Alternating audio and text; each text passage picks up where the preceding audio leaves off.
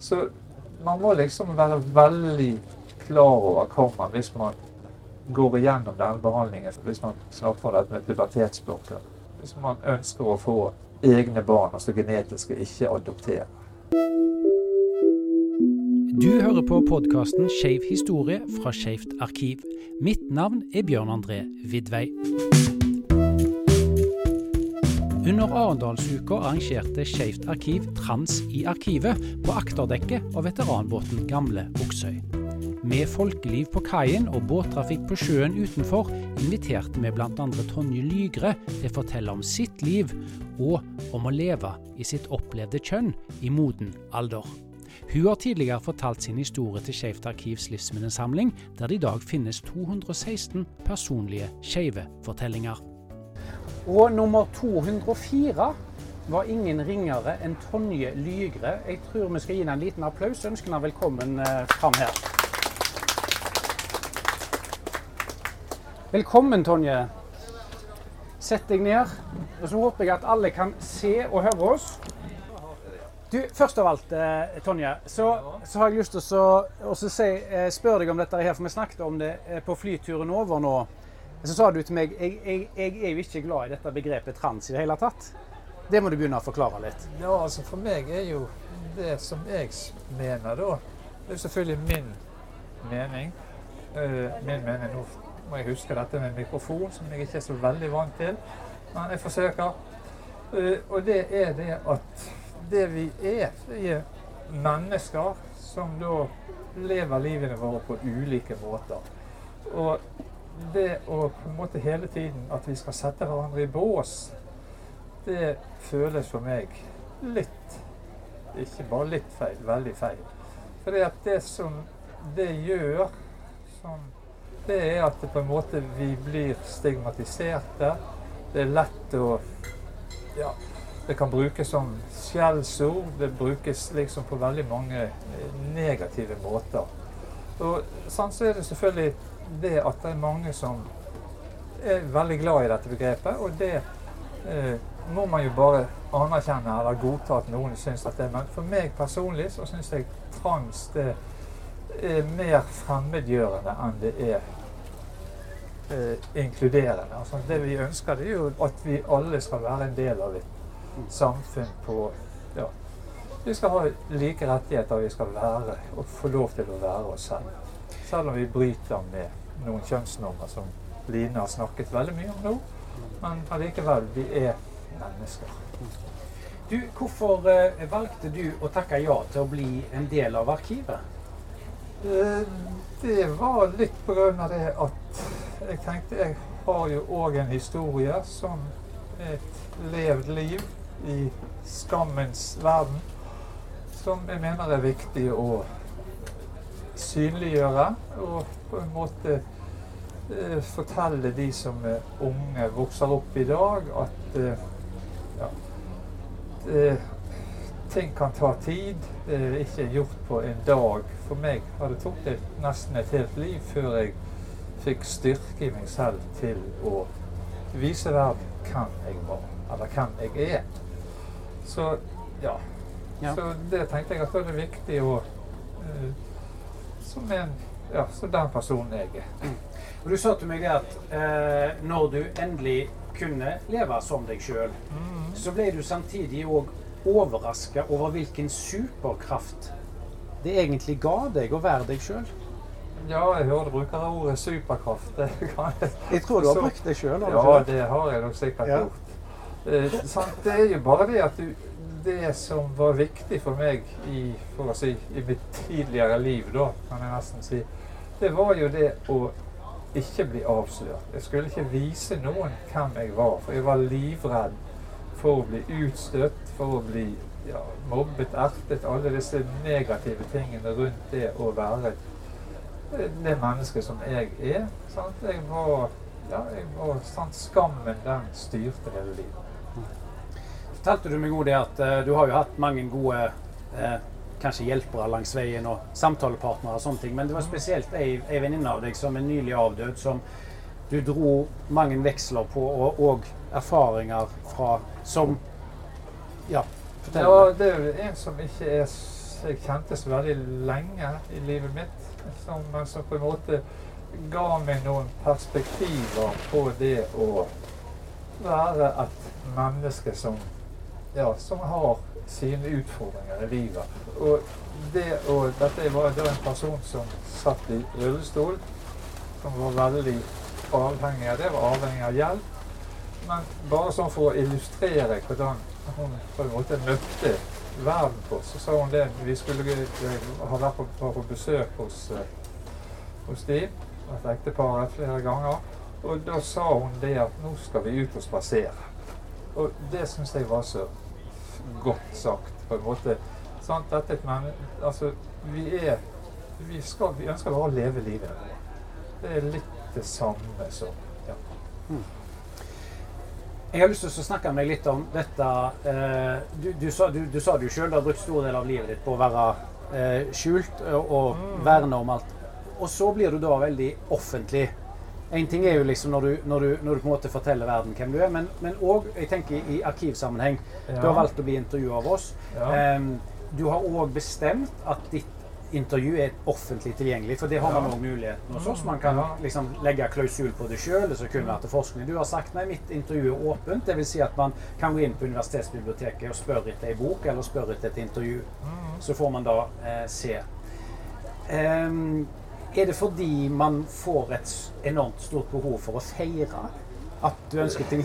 Ja, kanskje litt det. Og så, man, så, ser man jo det at ja, men jeg har jo ikke noe å skjule. Mm. Jeg har bare jeg har det jeg har gjort, jeg har skjult det på meg selv. Sant? Jeg har, jeg har, ja, jeg har på en måte ikke klart å anerkjenne meg selv som den jeg er, før jeg ble godt voksen. Så, så, ja, og jeg tenker at ja, dette mitt liv, og hvis det kan være til nytte for andre i en situasjon der man står i en, ja, en form for skvis mellom hva man ønsker å gjøre, hvordan, ja, så tenker jeg ja, hvorfor ikke? Jeg har lyst til å snakke litt med deg om eh, det som Line beskrev ganske eh, eh, mye om i sitt innlegg, nemlig ja. de kildene som ligger. ikke sant? Dette her er hva mm. folk forteller og lagt igjen. Ja. Um, og hva er din historie her fra når du var liten? Når jeg var liten, jo, så var det jo det at jeg kjente jo på noe som eh, ikke stemte helt. Og, sånn, så jeg visste fra ja, ikke sånn Fra åtte-niårsalderen så visste jeg at jeg var ingen gutt. Jeg kunne ikke, sant, Det var jo ingen eh, kan si, Den alminnelige kunnskapen som var tilgjengelig, den var ikke så voldsom. Det var kanskje, det sto vel kanskje noe i leksikon, men det var liksom rundt hans Ja, det som du snakket om. uh, og dette med sant, at det var en sykelig trang til å kle seg i det annet kjønns klær. Og det, ja, men dette, har jo ikke noe, dette er jo bare den jeg er, tenkte jeg. Sant, jeg har ikke noe sant, Og så var en transvestitt en person som kledde seg i det annet kjønns klær for sin egen tilfredsstillelse eller noe i den duren der. Og det var jo heller ikke der det var. Så jeg hadde ikke ord for hvem jeg var, men jeg var ingen gutt. Eh, og du er jo født i 51, bare for å sette det i en historisk kontekst her. Så mm. altså, jeg er en ung dame. Ung dame, for all del. Og, og, men, men, det sier òg noe om liksom, hvilke ting som var tilgjengelig den gangen ja, av informasjon. Ja, um, men du, du, hadde noen sånne eh, eh, små opplevelser av å møte noen som deg sjøl, eller ja, altså, forspeile deg sjøl i noe ja, kulørt ukepress og litt sånn? Ja da, men dukket jo opp denne som du snakket om, Kristine Jørgensen, det dukket jo opp. Så det leste man jo så øyet var stort og vått. At her er det noe sant? Men så var det denne berømte skammen som lå der hele tiden og la et lokk på det.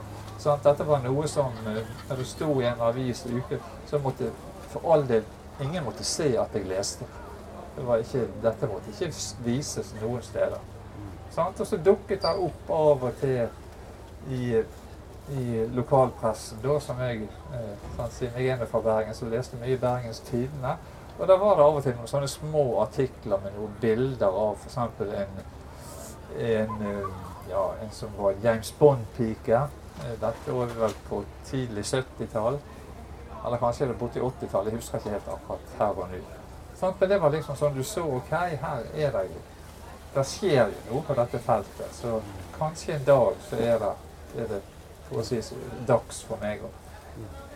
Jeg tror den historien du refererer til, det at det var en av disse Bond-pikene som ble avslørt som trans ja, etter av- ja etter du hadde spilt inn i filmen. Ja da, som ble ja. avslørt, og det var liksom, det ble liksom en, en litt stygg sak rundt det. Mm. Det gjorde det. Eh, og så har vi jo Tone Hellesund, som, eh, som Line refererte til her litt tidligere, professor eh, på Universitetet i Bergen, som har i sin forskning også brukt mye av det som fantes av den såkalte kulørte ukepressen og sånne ting. Hun sa i et innlegg hun hadde eh, for en stund siden, som jeg var til stede på, at hun var litt overraska over egentlig eh, antallet av historier i disse her Norsk Dameblad og sånne. Eh, tross alt liksom sett tiden og, og, og sett liksom skammen rundt det. Men det var veldig mye sånn Kjære eller Det var sånn egeniant som det heter på engelsk. Sant? Så det var sånn eh, Kjære Marte som skulle liksom ta imot alle disse historiene. Mm. Min mann liker å kle seg i dameklær, hva skal jeg gjøre? Sant? Er han snill mot deg, slår han deg ikke og beholder han osv. Det var liksom det som var Så hun var litt overraska over at det, at det, at det fantes. Men du, eh, når vi gjorde dette intervjuet med deg eh, til samlingen vår, eh, så husker jeg etterpå vi er ferdig, så setter jeg meg alltid ned og liksom eh, noterer det jeg liksom eh, på en måte føler umiddelbart etterpå, for det har noe med eh, notat Jeg tar jo masse notater underveis, men òg når vi er ferdige. Og jeg husker at eh, den følelsen jeg satt igjen med, du beskrev ditt tidlige liv, var dette her med eh, avvisning, skam, frykt for å bli latterliggjort. Ja. Du kalte deg til og med i intervjuet ynkelig. Husker du det? Nei, det husker jeg ikke. Nei, men hvorfor tror du at du kalte deg for det? Nei, det er jo Det har jo sammenheng, dette med skammen. Altså, det var ynkelig å være sånn. At det var ikke noe som var ettertrakt. Det var negativt ladet alt rundt det.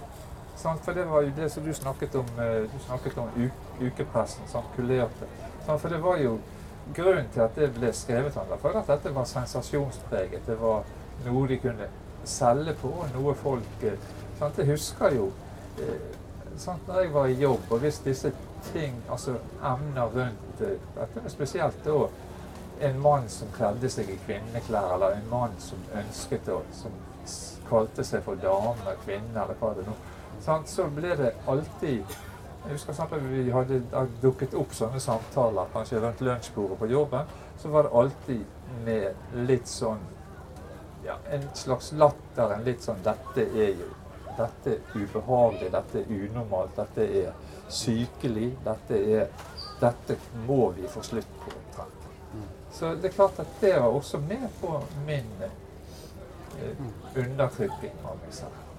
Men var det en eller flere hendelser som gjorde at du endelig tok steget? Du sa jo det innledningsvis her at du ble jo godt voksen. Ja, det var Ja, jeg kan bare referere den siste. Altså det som gjorde at jeg fikk styrke nok til å bli meg selv på den damen som dere ser her i dag, det var det at jeg ble alvorlig syk. Og på en måte begynte å sånn, Selv om jeg visste, sånn som vi alle vet, at en dag så er vi ikke her lenger. Eh? Så vi må på en måte leve livet våre mens vi lever. Så man Sånn så på en måte ble det en realitet for meg at dette livet ditt, det varer ikke evig. Så nå må du gjøre noe med deg selv. Og da fikk jeg styrke nok til å gjøre det som jeg eh, holder på med nå. Den prosessen, den reisen som jeg er. Men hvordan visste du eh, hvem du skulle kontakte, hvem du skulle gå til? Altså hvor du skulle begynne? Det hadde jo jeg selvfølgelig holdt meg oppdatert hele tiden. Ja, så du hadde en sånn nødplan du allerede Ja. klar i, i Ja, jeg hadde oppdatert meg sjøl på dette. Jeg hadde Ja. vært veldig fulgt med på Så jeg visste hva jeg ville. Jeg visste hvor jeg skulle. ja. Så jeg Ja. Så jeg, en dag når vi kjørte fra flyplassen i, på Kjevik, så passerer vi en liten by litt lenger nede på kysten, heter det vel kanskje. Og der var jeg i 2018. Tenker du i Grimstad? Ja. Ja. Og der er jo Espen Ester. Og du hadde òg skrevet til hen tidligere. Ja da, vi hadde hatt en del korrespondanse Ja. og mange år tilbake. Ja. Men kan ikke du fortelle litt hva du underskrev med da, når du var liksom i, i dialog med henne den gangen? Ja, det jeg underskrev da med navnet mitt, vennlig hilsen og noe sånt, Tonje. Eh, fortsatt under konstruksjon eller noe i den sånn, fortsatt under. Ja. Ja. Så det var Så jeg var på en måte ja, veldig klar for å gjøre noe, men jeg hadde ikke styrken til å gjøre det. Så, um, Så har jo tingene eh, eh, liksom eh, speeda opp. Ting har, Mhm. har satt, hjulene har blitt satt i bevegelse, for å si det sånn. ja, ja. Em, og i 2020 så uh, hva, hadde du òg Var du til stede på en navneseremoni? Ja da, jeg var Nede på Stensveen. på noe som heter Trygg i eget utrygg. Stensveen ressurssenter heter det vel nå. Stiftelsen Stensveen. Ja, styreleder sitter der.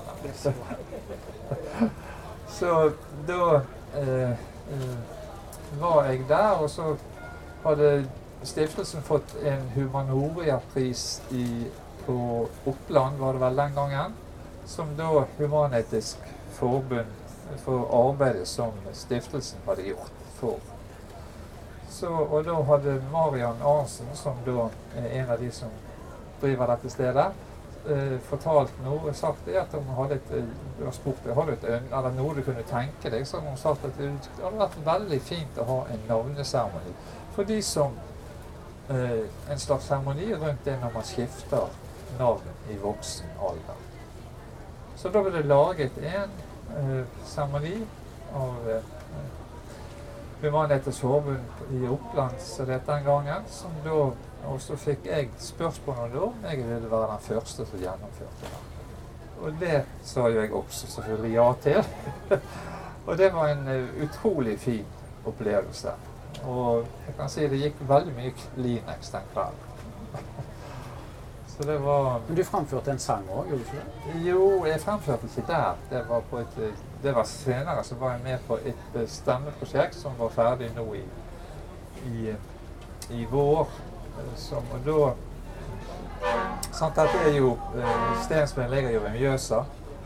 Men det ligger vel da i forhold til de som bor på andre siden, så er det på feil side av Mjøsa. Men på den feile siden av Mjøsa så var det en, en poet, en dikter, som het Alf Prøysen. Og han har laget veldig mye fint. Fin. Så da hadde Da fremførte jeg på et sånt stemmeprosjekt så der jeg forsøker å gjøre noe med stemmen min. Eh, Så fremførte jeg da 'Du skal få en dag i morgen' av Alf Prøysen. På en slags eh, Toten, ikke Toten, men på andre siden av dialekt. Som da var litt spesielt. Men det var Jeg våget. altså Det er igjen dette med at når man tar disse stegene utenfor den såkalte komfortsonen, så våger man utrolig mange ting der man kanskje tidligere det. Ikke har jeg sangstemme, men det var utrolig gøy allikevel. Du, Nå er vi, er vi så varme i trøya og har snakket så mye sammen, så nå kan vi gå over på de litt vanskelige tingene. Ja, det kan vi gjøre. Eh, og det eh, er um, pronomen. Hva tenker pronomen. Pronomen Hva tenker du rundt det? Nei, altså, mitt pronomen er jo det er hun. Jeg har ikke noe andre pronomen enn hun og henne. Da får jeg salutt for det.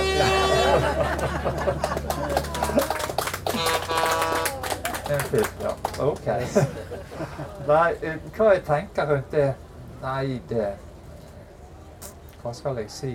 Du sa til meg når vi snakket litt sammen på forhånd at du, du har altså, sant? Du, du, vet, all, du forteller hva pronomenet ditt er, men du har en toleranse for at folk kan Ja, at folk kan bruke det pronomenet som føles rett for deg. Det jo det skulle bare mangle. Mm. Eh, At eh, ingen, sant, ingen eh, kan komme sant, Dette med pronomen kan jo bli litt sånn Noen henger seg veldig mye opp i det på en negativ måte. Men hvis man bare OK, dette, dette er det mennesket sin måte å beskrive seg selv på. Sant? Og så må man samtidig, når man da Dette med pronomen, så må man samtidig være litt raus selv. Og på en måte OK, noen ganger så bommes det. Sant? Fordi at kanskje sant, i mitt tilfelle jeg har levd som, ja, som mann tidligere da. Selv Som jeg klarer ikke å si det nesten. Men det har jeg, sant? og folk har kjent meg. Så det er lett for at de feilkjønner. Mm. Men det må jeg på en måte Altså, jeg, jeg blir såret. Jeg må innrømme det at det sårer meg. Det går dypt. Det, det treffer ganske dypt.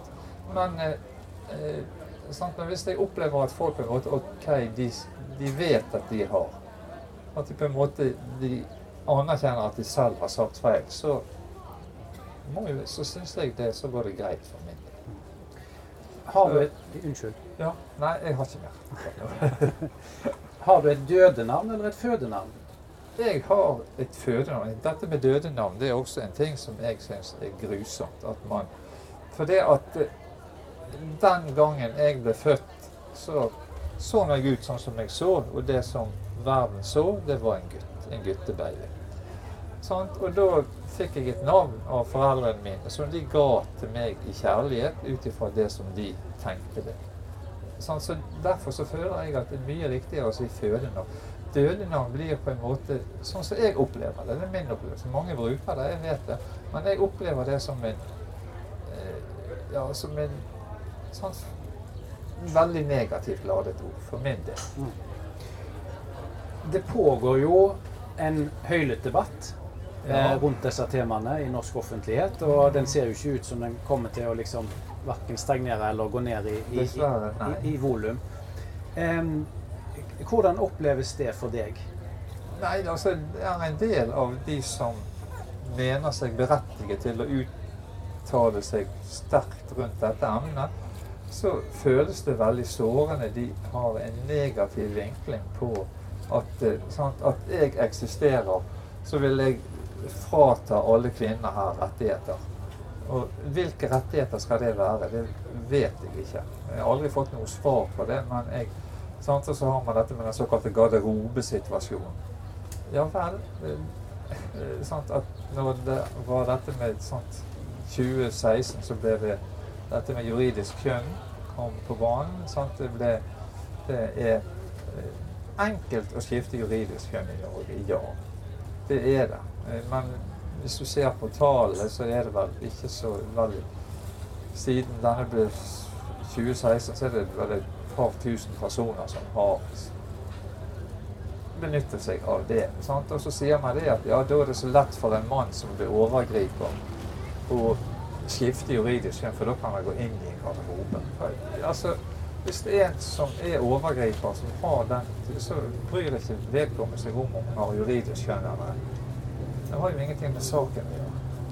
Så det er liksom ja, også sånn som du i toalettforhold. Du skal jo ikke Når du Ja, så skal du egentlig ikke tisse i det offentlige rom. Eller ikke det offentlige, men i off offentlige steder. Så at du skal holde deg til du kommer hjem. Ja. Ja. Det er ikke lett. Nei, det er ikke lett. Det er ikke lett. Men jeg går og tisser. Ja. Det gjør jeg. tror jeg alle vi gjør på et eller annet tidspunkt i løpet av en dag. så det Ja da. får vi være enige om. Eh, Men du, hva skjer framover for deg nå? Nei, jeg er jo fortsatt i en prosess. Jeg holder Ja, jeg har en jeg har en avtale med et sykehus inne i Oslo i løpet av høsten. Så det er noe som jeg ser frem til. Mm. Og så snakket du òg om dette her med dette stemme... eh, kursingen, Ja, men denne, denne Ja, altså Det prosjektet det var et prosjekt som het Trygg Trygg egen stemme. Som da en eh, musikkterapeut som heter Eckhoff, som har fått midler fra stiftelsen DAM til å gjennomføre et prosjekt. Så det har vært et pilotprosjekt som var vel et par år tilbake. Og så var det dette prosjektet som har gått ca. Et, et knapt år. Eller tre kvart år ble det vel mer rett å si. Som, eh, der vi hadde fire samlinger på Stensveen. Vi var tolv personer som var med på dette. Og der det på en måte litt av bakgrunnen for eh, sant? Det var liksom man skulle eh, forsøke å bli trygg i den stemmen. Sant? Det er klart når man har Sånn som jeg har vært utsatt for testosteronforurensning i så mange år, så har jo jeg en stemme sånn som jeg har. Sant? Og jeg ønsker jo det på en måte at den skal være litt mer overensstemmelse med sånn som jeg fremstår.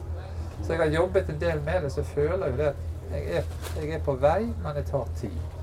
Men eh, det prosjektet, det skal jo er jo Ja, nå skal ikke jeg si, for nå er ikke jeg oppdatert helt hva som skjer der, men det som siste Vi hadde en sånn eh, Jeg har jo også rotet meg inn i en brukergruppe der, da, Ja. av en eller annen merkelig grunn.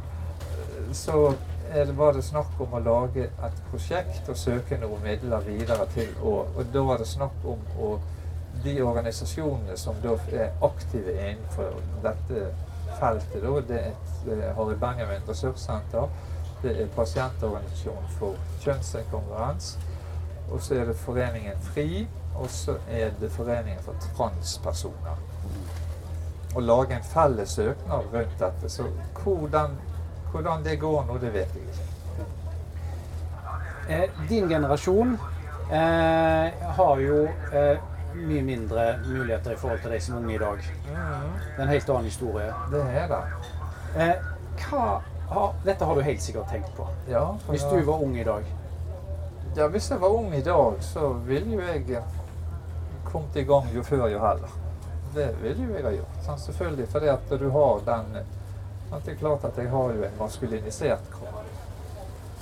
Og det er klart det ønsket jeg jo å slippe. Men, eh, ja. Men samtidig så er det jo sånn, så er det jo et lite tankekors rundt det òg. For det at sånn at jeg har levd jeg, har, jeg er foreldre, jeg er besteforelder. Jeg, sånn, Jeg, sånn. Så jeg har jo levd et liv etter fattigdom. Så jeg ville jo ikke sant? Så jeg kan ikke si at jeg har hatt et dårlig liv. Jeg har hatt et egentlig et godt liv så ut ifra de forutsetningene der. Sant?